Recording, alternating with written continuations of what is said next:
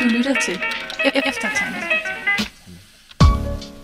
Velkommen til podcasten Eftertanke. I denne episode taler vi om videnskab. Eller måske rettere og mere specifikt, videnskabsskepticisme. For kan man stole på videnskabsmændene, når de udtaler sig om menneskeskabte klimaforandringer? Om Big Bang?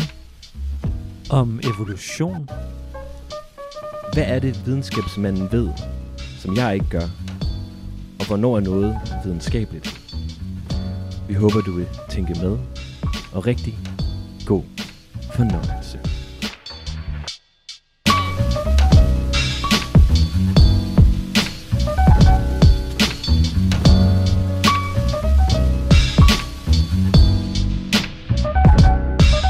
Sådan hedder videnskabsskiftet. Det tænker jeg. Okay, super. Det er i orden. Perfekt. Velkommen til, til podcasten Eftertanke. Din. Eftertænksomme. Podcast.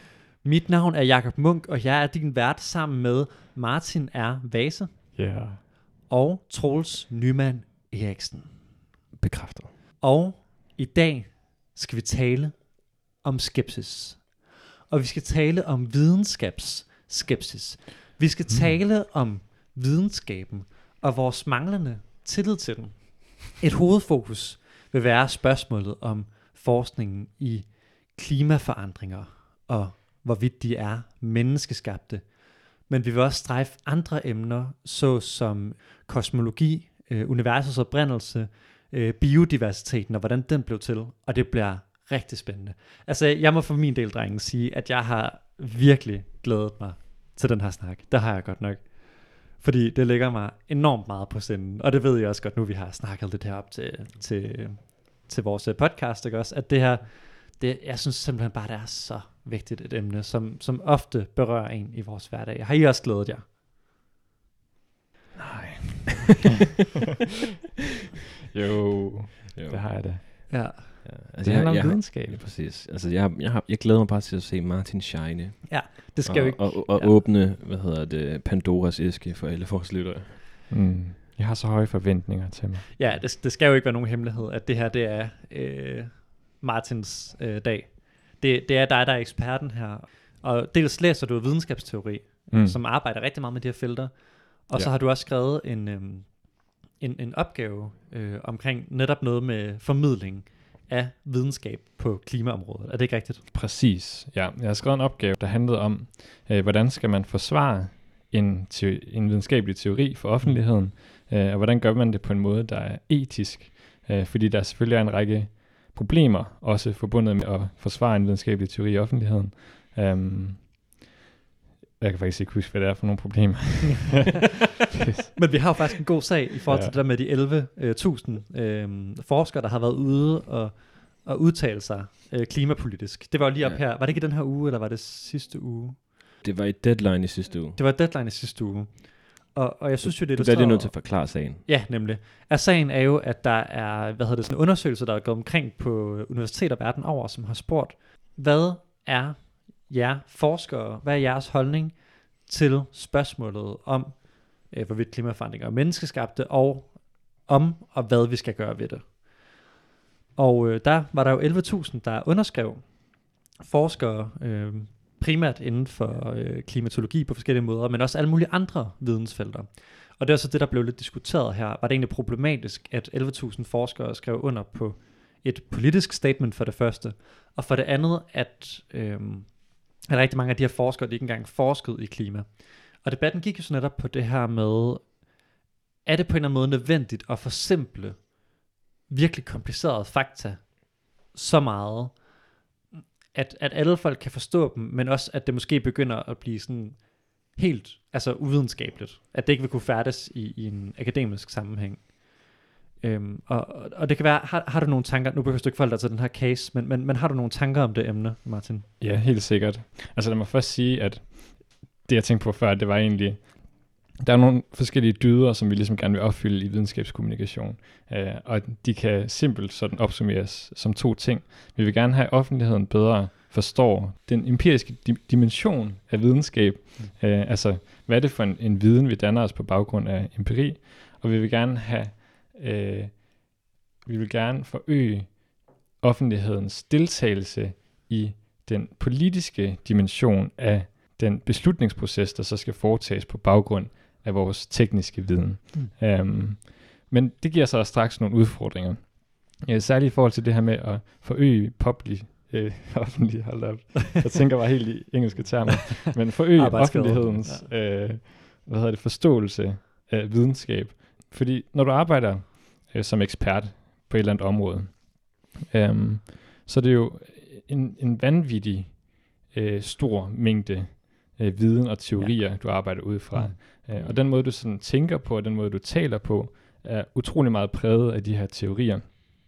Um, så, og, og det er jo bare sådan vanvittigt komplekst. Altså, det, der er en grund til, at det tager øh, fem års uddannelse og en Ph.D. og en tid som postdoc og så videre, før at du begynder sådan at være en etableret forsker. Mm. Uh, du skal virkelig indarbejde dig øh, og specialisere dig på et felt.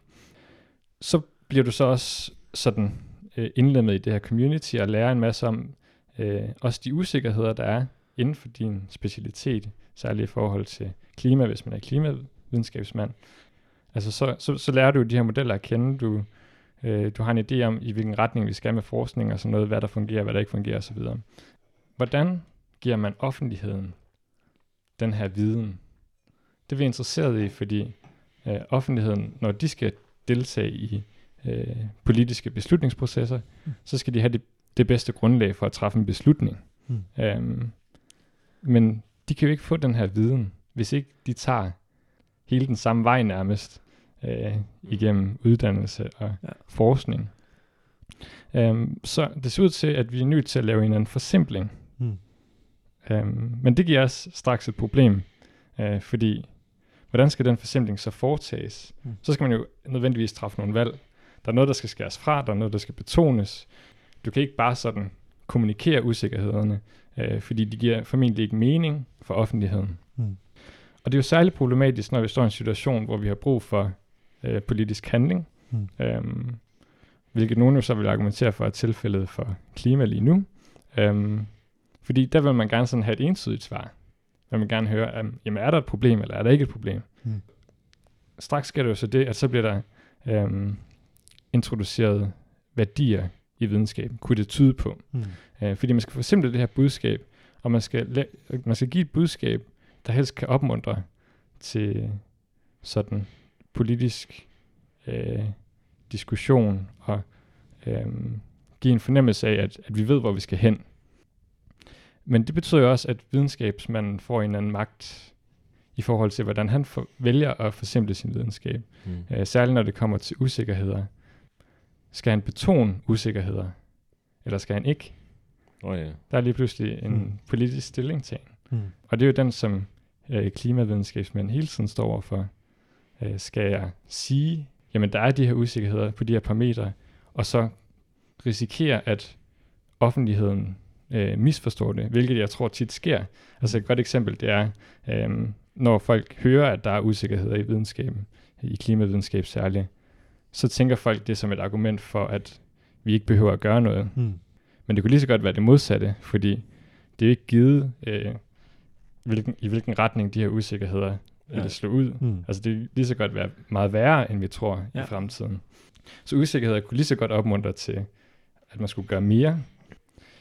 Så spørgsmålet er, øh, jamen den måde, jeg kommunikerer det på, øh, hvordan skal jeg gøre det? Øh, skal jeg sige, jamen der sker helt sikkert klimaforandringer?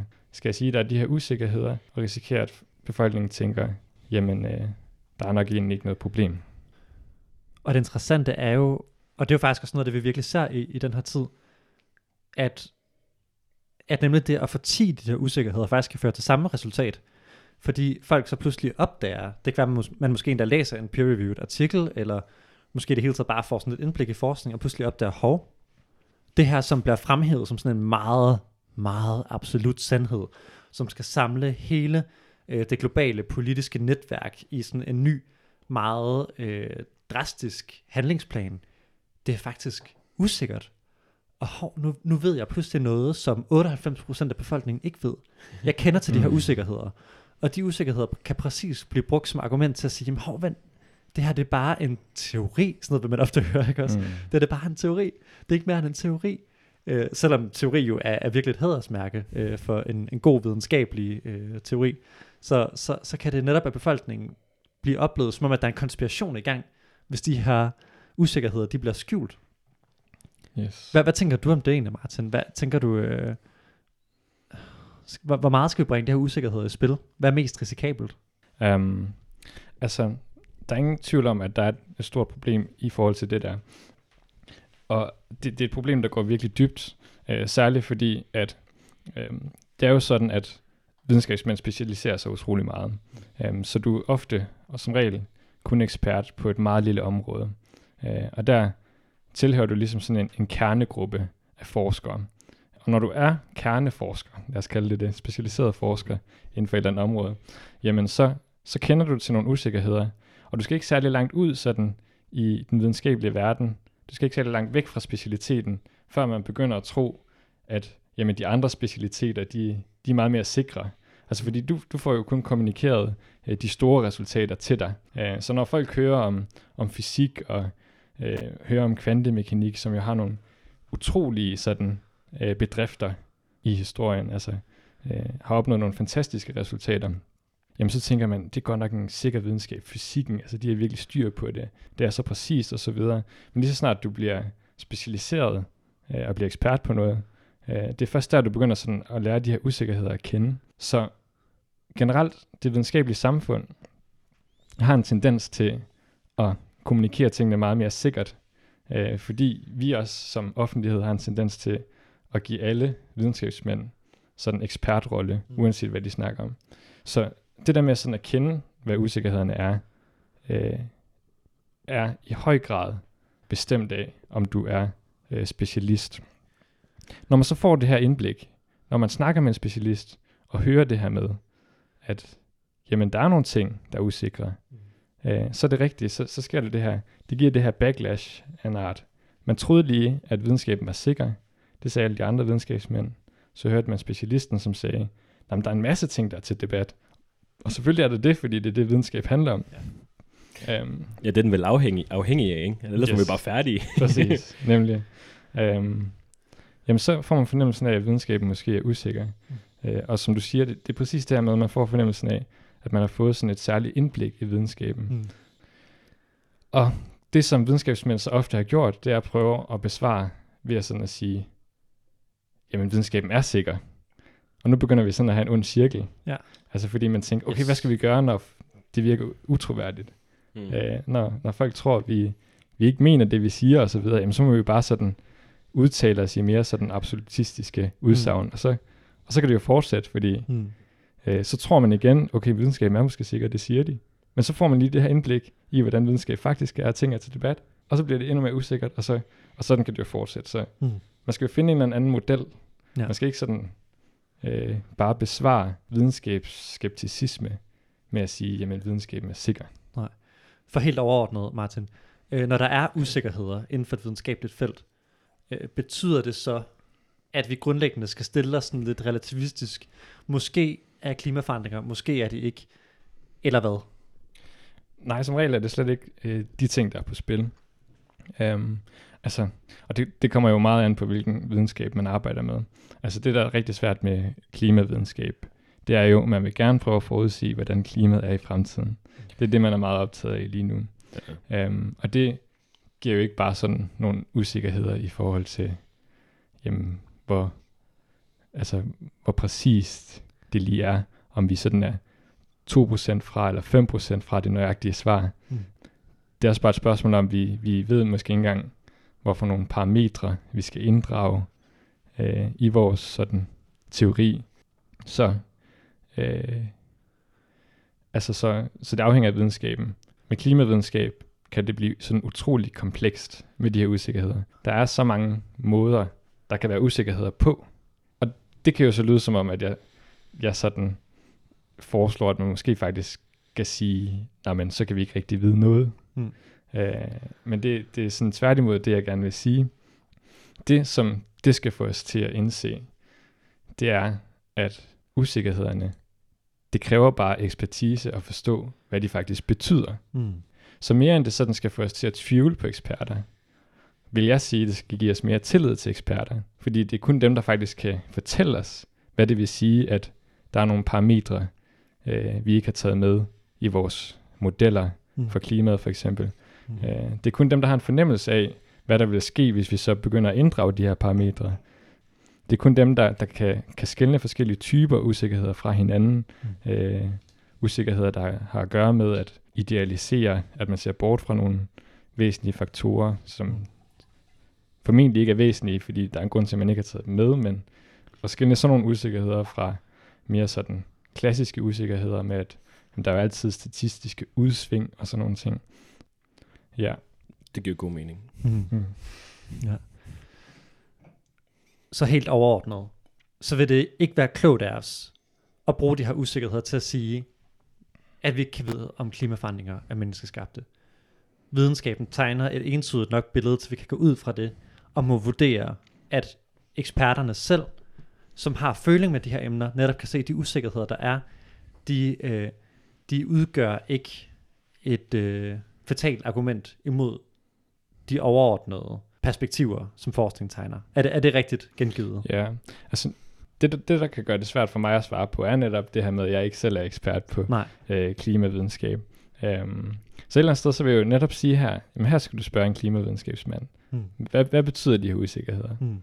Um, men altså, det jeg vil sige, det er, at jamen generelt, altså så, altså nu bruger vi bare usikkerheder som det her abstrakte begreb.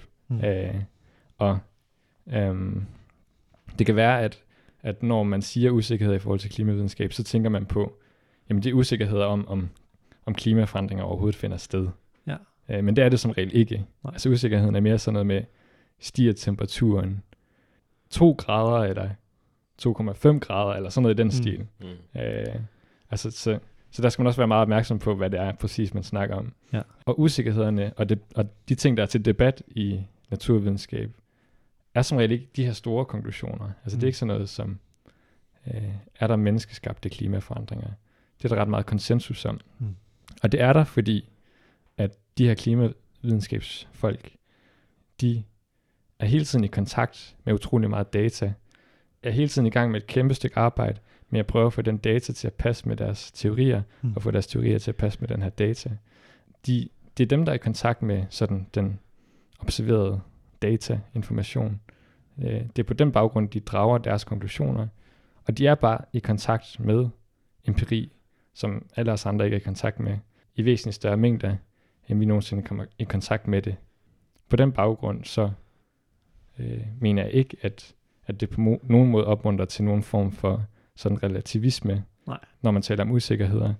Øhm, fordi det er empirisk baseret, det de laver, og usikkerhederne, jamen det er igen videnskabsmændene, der kan fortælle dig, hvad det helt præcis betyder inden for deres specialitet. Øh, som regel handler de ikke om de overordnede konklusioner. Det handler ofte om jamen sådan nogle, nogle mindre udsving, der kan være. Og i øvrigt, øh, så vidt jeg husker, så for at du også lige selv kan få en lille smule af den her øh, ekspert øh, øh, karisma, så, øh, så synes jeg også, jeg husker, at du har arbejdet med en af de her, hvis, i hvert fald en af de her meta-artikler, der kigger på konsensus omkring, at øh, klimaforandringer er menneskeskabte. Er det mm. ikke rigtigt husket? Jo, det har jeg kigget på. Ja. Jo. Så bare lige for at, at øh, Nå, på den måde, at du også har siddet lidt og har føling med det her, ikke også? Ja. Men noget jeg tænker på det, det her med, når, når folk så hører de her usikkerheder, så kommer det virkelig op. Og jeg kan huske, Christi Dagblad, de havde en uh, artikel af en geolog, der også øh, rejst tvivl om, hvorvidt uh, klimaforandringer var menneskeskabte. Og det blev den mest læste artikel i øh, den mest læste artikel i lang tid. Og det er som om, at det har en enorm gennemslagskraft, det her. Og, og hvad tror I, det er, der, der gør, at vi er så glade for ligesom at, at, at stille spørgsmålstegn ved etableret videnskab? Hvor, hvorfor, hvorfor bider vi så meget mærke i, når for eksempel en enkelt forsker rejser tvivl omkring øh, menneskeskabte klimaforandringer? Det er fordi, vi godt kan lide kejserens nye klæder. Altså, altså så, så simpelt er det. Mm. At øh, vi kan godt lide, når folk kommer lidt ned fra deres pedestal. Vi kan godt, vide, vi kan godt lide at vide, at alle andre er lidt ligesom os. Mm. Hmm. Det er virkelig en ikke særlig sympatisk måde at sige det på. Men Men sådan er det vel. Ja, det tror jeg er virkelig rigtigt. Jeg tror også, også lidt følelsen af øh, kontrol måske. Altså det Mm. der med, at netop fordi videnskaben er på en pedestal, så virker det også som om, man skal, man skal sådan overlægge, man skal lægge meget øh, altså selv til side for videnskabens konklusioner. Man får fornemmelsen af, at man, det tror jeg, det, det, det, det kan man opleve meget i sådan offentligheden, at man får den her fornemmelse af, at, at videnskaben skal afgøre alting. Øh, også ting, der egentlig er en politisk debat, mm. og som burde være. Ja. en politisk debat. Ja. Mm. Øh, og så vil man gerne netop prøve at pille videnskaben ned fra den her pedestal, hvilket man også egentlig retmæssigt skal gøre Mm. i nogle sådan tilfælde, særligt når at man begynder at tænke, at videnskaben skal afgøre politiske debatter. Mm. Øhm, altså så, så, så man får noget politisk kontrol tilbage. Mm. Øh, og det kan man jo opnå ved at sige, at videnskaben er usikker. Ja. Øh, og så bare sådan, ja, fornemmelsen af netop at være drengen, der peger, peger på kejseren ja. uden klæder. Det tror du ret i. Øh, altså det, Ja. Det er ligesom, når der er litteraturspørgsmål i Besserwisser. Mm. Altså, det er simpelthen de værste tidspunkter i løbet af en, hvad hedder det, en hyggelig familieaften for mit vedkommende. Jakob, Det er sjovt, du siger altid Jakob, når jeg gør det.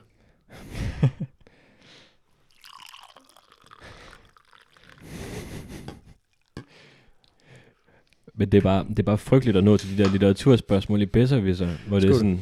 Ja, skål, Jacob. Fordi det er altid spørgsmål om sådan nogle skandinaviske krimier, Ja. og det rager mig. Jeg er så pisse ligeglad. det er forfærdeligt. Det er sådan, hallo, lad være med at tænke, at det her det, ved, det betyder, at jeg ikke ved noget om, Nemlig. ved, ved noget om litteratur. Og man sad altid lige og håber, man får et eller andet middel eller digt eller sådan noget. Præcis, altså, Og kom med bare, Giv, ja. giv mig lige sådan, Ah, første udgivelse for James Joyce, Ulysses. Ulysses. Ja. Nej, så er blevet ny roman. Ja. Hvad ved jeg? Altså, I don't care. Ja.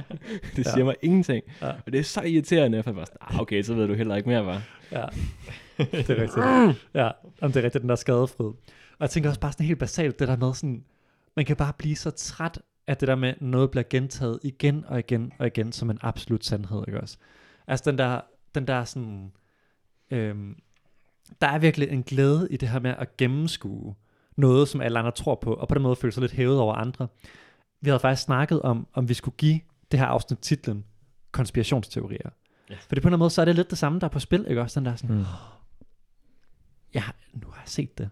Nu, nu kan jeg sidde ved alle middagsselskaber og vide noget, som de andre ikke ved. Jeg får det til at lyde meget usympatisk, men det her det er virkelig sådan en, en meget næsten universel følelse, tror jeg, som jeg også godt kan genkende på mig selv. Øhm, den her sådan, at man, nu har man set dybere. Og, og det kan der virkelig være en, en, øh, en fryd i, som, som jo kan have sin berettigelse, men som i hvert fald også kan være farlig, tror jeg også godt lidt af noget af det, som vi gerne vil give videre med det her afsnit Mm. øh, at, at, at passe lige lidt på med at lytte for meget til den her, og, og, og i hu kom den der ydmyghed i mødet Mm. med det finere, Martin. Ja. Som for eksempel ordet i hu komme. Mm. Men det her med at, i, altså, at, at huske på den her respekt for, for dem, der er sådan eksperter. Det her med, okay, øh, de ved nok noget, jeg ikke ved, når de konkluderer, som de gør. De, de forstår nok betydningen af de her usikkerheder på en måde, som jeg ikke gør. Og jeg, der ikke har øh, en PhD i et emne, som måske ikke engang har studeret det mere, end bare at læse en bog eller en artikel på nettet, eller hvad ved jeg. Jeg, jeg, jeg har simpelthen ikke den føling, der skal til for virkelig at kunne udtale mig med ekspertise på det område. Og det er faktisk ikke en dårlig erkendelse at komme til.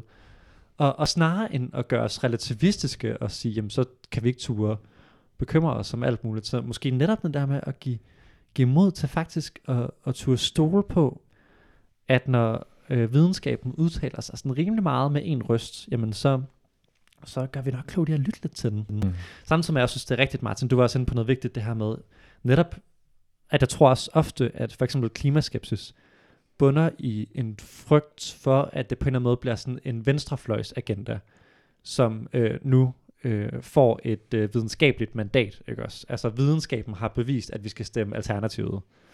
og, og der synes jeg også, det er lidt vigtigt at, at, sådan at holde adskilt her, ikke også? At en Mm. ting er, at, at vi siger, at der er meget, meget, meget stærkt belæg for, at øh, klimaforandringer er menneskeskabte. Men spørgsmålet er så, hvordan imødegår vi dem bedst? Jamen, der kan vi jo begynde at, at, at diskutere, øh, er, det, er det markedsmekanismer, er det forskningen, eller er det en, en større grad af statslig kontrol af produktionen, er det modvækst, alle de her ting også. Altså det er politiske spørgsmål, som selvfølgelig har en videnskabelig øh, ballast med sig, og, og sådan rummer en masse videnskabelige implikationer. Men, men det er altså ikke spørgsmål, som kan besvares af en deskriptiv videnskab alene. Øhm, der må vi ligesom gå over til det politiske spørgsmål, og, og spørge økonomer og statskundskaber osv. handler det ikke også nogle gange om alle ledene, der sådan løber igennem, og så også, hvad hedder det, sådan inden, inden, inden formidling kommer hen til mig, ikke? Hmm. Sådan, prøv at overveje, hvor mange led, der går igennem fra hvad, en eller anden, der forsker i kosmologi på, øh, på, på, på hvad hedder det, EU. Øhm, Sten Hannested. Ja, for Mm. eksempel, ikke? Mm. Overvej, hvor mange artikler i løbet af et år, der kommer ud på DR.dk om, at de har fundet en eller anden planet Mm. med, en- med en god chance for liv på. Altså, fint nok. Sådan. det er bare et spørgsmål, hvad, hvad skal jeg bruge den information til, eller parametrene, ikke? Jeg, jeg, jeg ser bare overskriften, og så er det sådan, der kan være liv på den her planet. Mm. Og det er sjovt, at den artikel bare skal komme ud, jeg ved ikke, hvor mange gange om Mm. året, og det virker bare. Ja. Og det er sådan, jamen, selvf- selvfølgelig, altså, I, don't, I don't really care. Nej. Men det der med, at der er så mange led i kæden, jeg kunne meget bedre tænke mig at snakke med Sten der, hvad han måske rent faktisk tænker i sådan Ja. en situation. Ja. Eller, fordi, når man har haft fornøjelsen af at møde øh, mennesker, der har arbejdet meget grundigt med noget stof i meget, meget, meget lang tid, Mm. så får de, de får sådan en sjov tøven Mm. på alle de spørgsmål, mm. de har, ikke? Ja. Sådan, hmm, hmm. Her er tre ting, du er nødt til at forholde dig til. Ja. Altså, det, der er sådan, jeg synes, der er, som ofte har de bare så utrolig meget integritet. Mm. Mm. Men så når de bliver citeret på videnskabsafdelingen Ja. ja. på DR.dk, Ja. eller i illustreret videnskab, Ja. så er man bare sådan, det, det er ikke helt den samme oplevelse, man sidder Mm. Nej, det er Ja. simpelthen Og det er måske også i virkeligheden, der, der, der, der er en problemstilling. Ja, det er rigtigt. Ja. Uh, og de der, de der mennesker gør også, der formår både at være det der, altså den der sådan enormt integritetsfulde, ydmyge forsker, der hele tiden har den der forsigtighed og den der tøven i sig, og som samtidig våger at gå ud og melde et eller andet ud, og tage et standpunkt og tale for noget. Altså der synes jeg, det står gnister. Jeg kan ikke stå for den slags mennesker. Jeg synes, det er fantastisk, fordi altså, jeg kender også akademikere, hvor jeg synes, de er blevet ødelagt af deres akademier. Det, det synes jeg faktisk, der er nogle mennesker, jeg har mødt, der er. Altså, hvor de simpelthen de, de har mistet modet øh, til at turde sige noget. Mm. Er blevet overvældet af kompleksiteten i de her emner, ikke også? Øh, men der er også mennesker, der er blevet overvældet af kompleksiteten i de her emner, og så alligevel har, har fundet frem til det sted, hvor man, hvor man tør tage stilling. Øh, og der synes jeg virkelig, uh, de er spændende at høre på. Altså. Mm. Så nu skal vi have nogle flere med øh, af som gæster i vores podcast. ja. De er som regel så også bare meget bevidste om, hvornår de gør det ene, og hvornår de gør det andet. Det er nemlig rigtigt. Mm. Det er, Det, også det, er det, der, det er det, der virkelig er fedt. Mm. Ja. når man støder ind i det der. Men Mm. jeg ved ikke, Mr. Videnskabsteori Mm. og videnskabskommunikation. Noget om de der led. Ja, altså øhm, en ting særligt i forhold til eksoplaneter, det er jo, at der er altid virkelig meget på spil øh, med sådan videnskabskommunikation. Um, og en ting er, øh, at det også er et middel til at få forskningspenge. Um, så nu afslører jeg måske en, en ting, der skulle uh. være en Uh. hemmelighed. Uh. Uh, men det var jo i hvert fald sådan, da jeg havde astrofysik Mm. øhm, på uni, der afslørede vores øhm, underviser, som arbejder med astrofysik jo, at det er jo lidt en strategi, det her med at tage, definere planeter ud fra, om de kan øh, have liv på sig eller ej. Mm. Altså i virkeligheden ved videnskabsmænd godt, at chancen for, at der kan være liv på nogle af de her planeter, er noget nær nul. Men Men 0,01 er også en chance, altså. det er det nemlig, ja. Øh, og, og som regel har man jo egentlig bare defineret det som, om planeten er i en afstand fra solen, fra den sol, sådan at øh, vand hverken koger eller fryser. Mm. Altså så, at vandets temperatur på, på planeten, som eventuelt er på planeten, det kan man så også godt se, tror jeg, om, om der er vand på planeten, men Mm. om det ligger, om, om planeten har en afstand fra solen, sådan at vandet har en temperatur mellem 0 og 100 grader. Ja. Ja. Og det er ikke den eneste parameter, øh, der skal tilfredsstilles for, at der kan være liv på en planet. Mm. Men Mm. sådan har man defineret en planet, der tillader liv. Ja. Det er jo selvfølgelig fordi, at øh, hvis man kan sige, at man går ud og leder efter planeter, der eventuelt kunne have liv på sig, oh, ja. Mm. jamen så er der nogen, der gerne vil spytte penge i en. Ja. Ja. ja. Man kan Det- faktisk blive helt konspiratorisk af at høre sådan noget der. Præcis, ja. Og det er jo også lidt. Ja. det, øh, der er faren. Um, Det minder lidt om, da Justin Bieber udgav sit nye album, og Lilian Munk Røsing øh, lavede en, øh, en psykoanalytisk analyse af det til DR. Mm. Hvilket jo var for en fantastisk oplevelse. ja, det var det. Det var det. Utrolig morsomt. Altså Lilian Munk Røsing, som er fantastisk dygtig Ja. ja. litteraturprofessor, der giver sig i gang med Sorry, Justin Bieber. mm. Jeg skal næsten prøve at finde det på nettet, den der, Ja. når, når, når hun begynder sådan at recitere. Is it too late now to say sorry? Det kommer lidt til at lyde som et Jaja Hassan digt. Præcis. Og så begynder hun at analysere på det, ikke? og hun er så latterligt dygtig, at det næsten føles som prostitution. Altså, intellektuel prostitution. Ja. Uh, men altså, you, Ja. you, you gotta do what you gotta do nogle Ja. gange. ja. Jamen, det, det er rigtigt. ja. Mm. Nu vi snakker om eksperter, så kommer jeg til at tænke på en. Jesus. Uh, ja. Øh, fordi øh, der, er jo, øh, der er jo en sjov dimension af, af det her emne, som jeg, jeg synes, vi skal fokusere lidt på. Altså nu, nu har vi jo fra starten af vores podcast været ærlige om, at vi er øh, tre fyre, der, der har en kristen tro, og, og gerne vil lade den ånde lidt med i vores øh, podcast. Og der er jo... Hal- eller hal- en- halleluja og amen. Halleluja, amen. Og der er jo en sjov tendens til, at religiøs tro godt kan medføre lidt en større skepticisme for, for videnskab. Også blandt andet på det her klimaspørgsmål. Øh, vi snakkede om et, øh, et, et religiøst argument for klimaskepticisme, som, som vi havde hørt for nylig, Martin. Kan du huske, øh, hvordan det lød? Øhm, ja, altså, øhm, tanken var jo lidt, at vi som kristne tror jo på, at jamen, på et eller andet tidspunkt, så skal den her verden ende. Og det er på en eller anden måde ligesom en del af Guds plan, at jorden skal ende. Øh, så det ligger også i Guds hænder. Um, så hvis klimaforandringerne ligesom er jordens ende, sådan som billedet nogle gange meldes op, jamen, måske er det så Guds plan. Det er i hvert fald i Guds hænder. Ja, why bother? Ja, så hvorfor skal vi gøre noget? burde vi næsten hjælpe det på vej. Mm. Skal, skal vi gå ud og tænde bilen? Bare lade den køre? Ja. Og det er jo, øh, altså det, det er jo lidt trist, og jeg tror, altså, jeg, jeg tror, når man lige tænker over det, så tror jeg næsten alle kristne vil kunne se, at sådan et argument selvfølgelig ikke er, er særlig godt.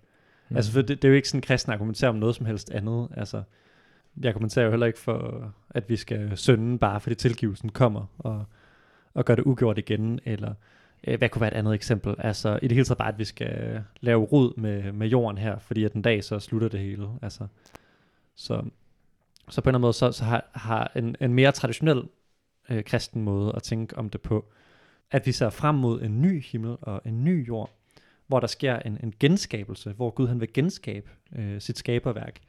Og den genskabelse er allerede begyndt nu, og vi er kaldet som forvaltere til at, at tage, en del, øh, til, tage del i den her nyskabelse, og gå ud og, og spille vores rolle øh, i Guds store drama, ikke også? Og det betyder blandt andet at, at forme verden efter øh, Guds vilje, det vil sige øh, altså bekæmpe fattigdom, bekæmpe sult, øh, kæmpe for fred, forsoning, tilgivelse, øh, fællesskab, imod ensomhed, men også imod misbrug af naturen og misbrug af jorden. Altså, det, det synes jeg faktisk er en meget traditionel øh, kristen måde at tænke om det på. Men så alligevel så, jeg tror, det er meget udbredt. Man, man hører i hvert fald den her tanke relativt ofte. Mm. Øhm, Jeg tror også nogle gange, det handler om, hvad det er for nogle kristne, der hvad hedder det, er tydelige i medierne. Ikke? Ja. Altså det, jeg havde lige en artikel med kristne, der velsigner Trump. Han er som en Guds udvalgte. Mm. Fordi det passer med et eller andet mønster i Gamle Testamente, med at han er en eller anden kriger, konge. Ja. Øh, en, en form for reinkarnation af Jehu, eller sådan noget shit. Hmm. Høj kæft, hvor er det dumt. Altså, jeg synes, det er så latterligt. Men altså, der, er- det er svært at gøre noget ved det. Ja. Øh, der vil jeg nok bare sige, der, der læner mig bare lidt op af en anden tradition. Jeg synes, det var for eksempel, da vi var i Berlin i sommer, der fandt du en lille bitte bog fra, var det 31 eller sådan noget, Mm, ja, ja. om, om netop om relationen mellem videnskab og tro, ja. eller religion og videnskab. Og det var fremragende og magisk at læse. Wow, shit.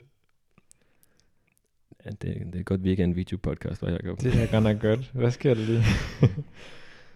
Ja, men det er rigtigt nok. Øh, kloden drejer og bliver varmere og varmere, så vi kan stå, begynde at tage tøj. det, det er nemlig rigtigt, hvad Troels. Det er faktisk det, der er sket. Jeg har smidt min trøje, og det skyldes netop temperaturstigningerne. ja, men der er også Øh, så det er jo en, en billedhandling øh, på en måde. ja. Du kan, du kan, smøre, du kan hælde, hælde lammeblod ud over dig selv, Ja. som sådan, hvad hedder sådan en profetisk statement. Ja. Og, så, og så, hvad hedder det, smøre dig selv ind i aske bagefter og gå. Mm. i sæk. Ja. ja. For klimaets skyld. Sultestrække. Det, det kunne Mm. man faktisk godt. Ja. Ja. Nå, det var Mm. ikke for at afbryde dig, Troels. um, Man kan slet ikke huske, hvad jeg vil sige. Jo, det var den der fantastiske bog med øh, Malinowski og alle de der drenge der. Ikke? Mm. Øh, en en symbiose. Jeg er ikke tilhænger på den måde symbiose mellem tro og videnskab. Men, hvad hedder det? Fredelig sameksistens. mm. Øh, det, er, det er en frygtelig tragedie, at det ofte er det andet, der bliver præsenteret. Mm. Fordi jeg møder ikke komplikationerne ved det. Nej. Men jeg forstår godt, at de et eller andet sted opstår nogle Mm. gange. Mm.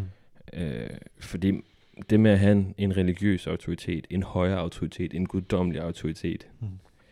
gør jo bare, at lige så straks du får en fornemmelse af noget, der taler imod det, eller i hvert fald du har oplevelsen af det, så har du lyst til at lave kejserens nye klæder og sige, at de ikke har Mm. noget tøj på. Mm. Sådan er det naturligt. Det kunne bare være rart nogle gange sådan at udfordre sig selv. Ligesom hvis vi vendte. Jeg kan, jeg kan huske, hvilket episode det var, hvor vi refererede med Langton. Eller hvor jeg refererede til Melanchthon. Var det den der mirakel? Nej. Nå, Det ved jeg ikke. Ja, det, er også, det er også lige meget, ikke? Men det er, hvad hedder det, han læste et, et geocentrisk verdensbillede ud af Bibelen. Mm. Altså et, et, med jorden i centrum, og alt andet, der bevæger sig omkring den. Mm. Øh, Fordi at der var en passage i Josvas bog, hvor at solen står stille på himlen. mm. Og det er solen, der står stille. Ergo, er det den vej rundt. Mm. Men der er det jo ret tydeligt, for mig i hvert fald, Mm. at der læser man det geocentriske ind i det, Ja. frem for ud af det. Ja.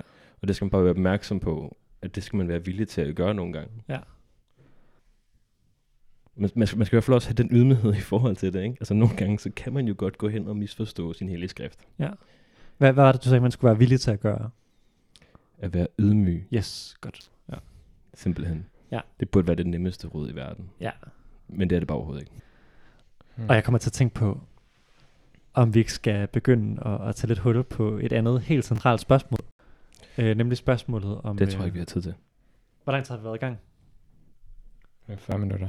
Vi skal lige... Vi Nej, nej, nej, nej. Lige hurtigt spørgsmål. Ja, det kan vi. Nej, det kan Jo, jo, vi jo, da at høre. overhovedet ikke. Der sker intet ved, at den lige kommer op på 50 minutter. Mm.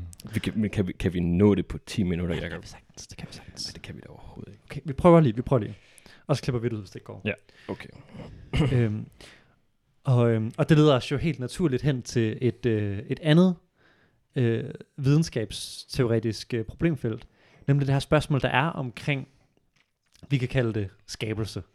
Og, og det er jo simpelthen eksemplet, det, det er problemet par excellence, hvor man finder en modsætning mellem videnskab og tro. I hvert fald sådan Mm. traditionel kristen tro og, og sådan den herskende videnskab.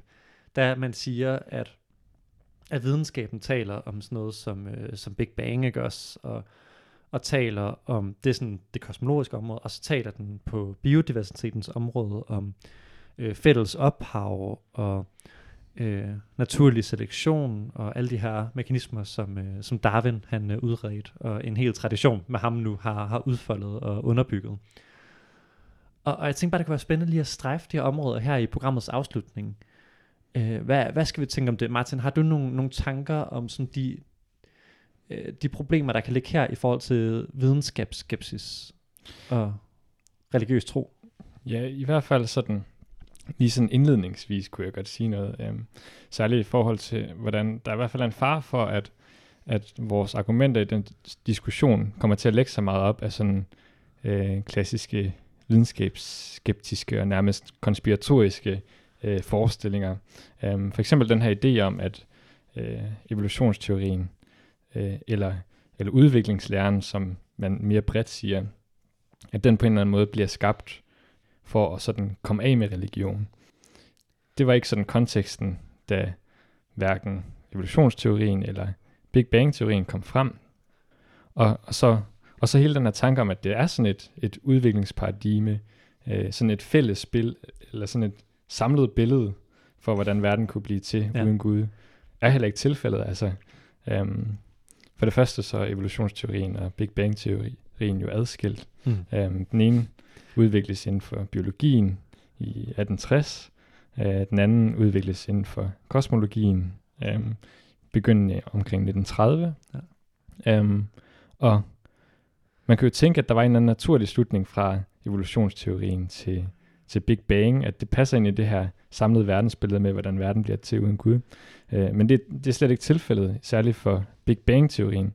Mm. Øh, den handler om, hvordan øh, Øh, universet øh, blev til, øh, og har ikke noget at gøre med, hvordan liv blev til øh, som sådan. Øh, og den handler om, hvordan universet begyndte for mange milliarder år siden, øh, og så har, hvordan universet har udvidet sig, og hvordan galakser bliver til og sådan nogle ting. Da den her teori begyndte at komme frem, snarere end at det var sådan kristne, der blev forskrækket over, at der skulle være en teori, der kunne forklare verdens tilblivelse, så var det jo øh, ateister, der reagerede på det her, og s- sagde, jamen det her det er jo en vederstyggelighed nærmest. Det er, øh, Der lugter af kreationisme i bageriet, ikke? Ja, præcis, nemlig, fordi øhm, lige pludselig så siger videnskaben jo, at øh, verden blev til på et bestemt tidspunkt i Mm. begyndelsen. Mm. Og de ord i begyndelsen Ja, det er jo sådan, det starter. lyder jo som noget andet. Det, ja, det gør det. Det gør det jo nækkeligt.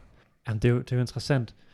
Hvad, hvad tænker I, måske særligt du, Martin, om, øhm, om det her med, at der jo på en eller anden måde er opstået lidt sådan en, en, øh, en pseudovidenskab, der vil prøve at, at på en eller anden måde sådan underbygge øh, den bibelske beretning, for eksempel om, om øh, biodiversiteten, øh, som for eksempel intelligent designbevægelsen og hele kreationismen. Øh, synes du, det er videnskabeligt gangbart, eller hvad tænker du om, om det? Ja, nu springer du ud af skabet, Martin.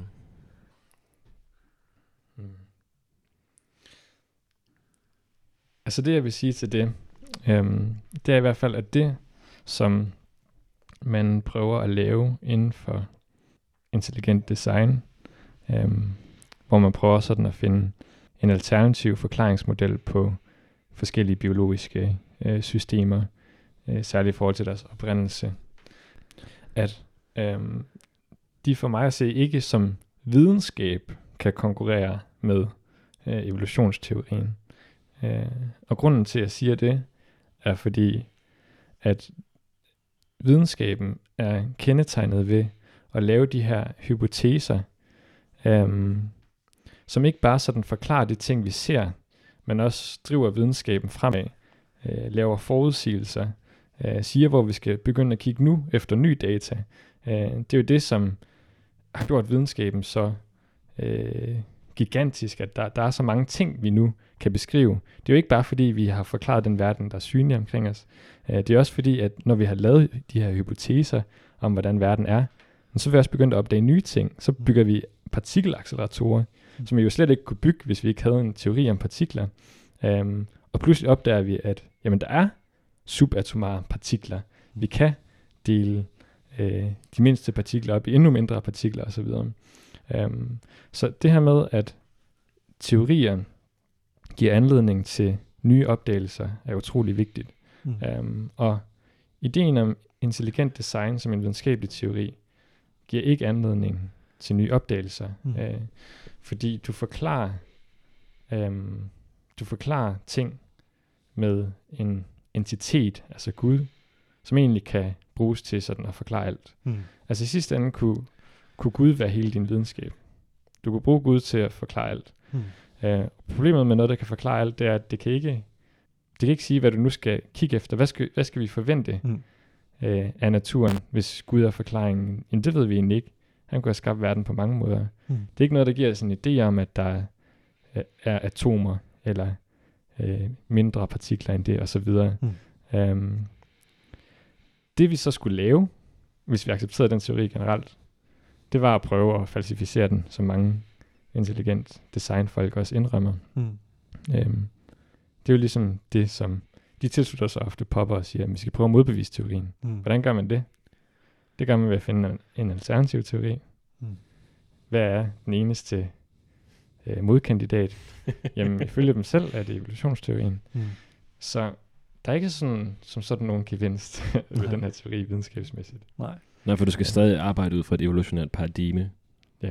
Hmm. selv, om, selv hvis du var imod det. Hmm. Ja, Og prøve at gøre den teori bedre. ja det er Ja. virkelig ironisk.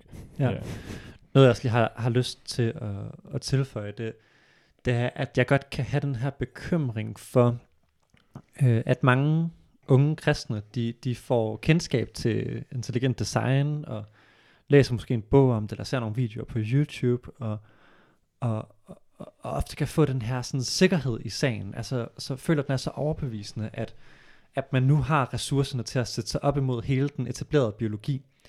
Og det synes jeg altså er øh, farligt. Jeg synes, det, det er lidt en farlig vej at gå, og jeg, kunne godt tænke mig at, at prøve at måske trække lidt en anden retning, øh, som vi snakker om før det her med, at prøve at, at sige, okay, jamen, øh, det kan godt være, at vi kommer i kontakt med nogle problemer, for eksempel ved evolutionsteorien, men det er altså evolutionsforskere selv, som kan vurdere betydningen af de her øh, problemer.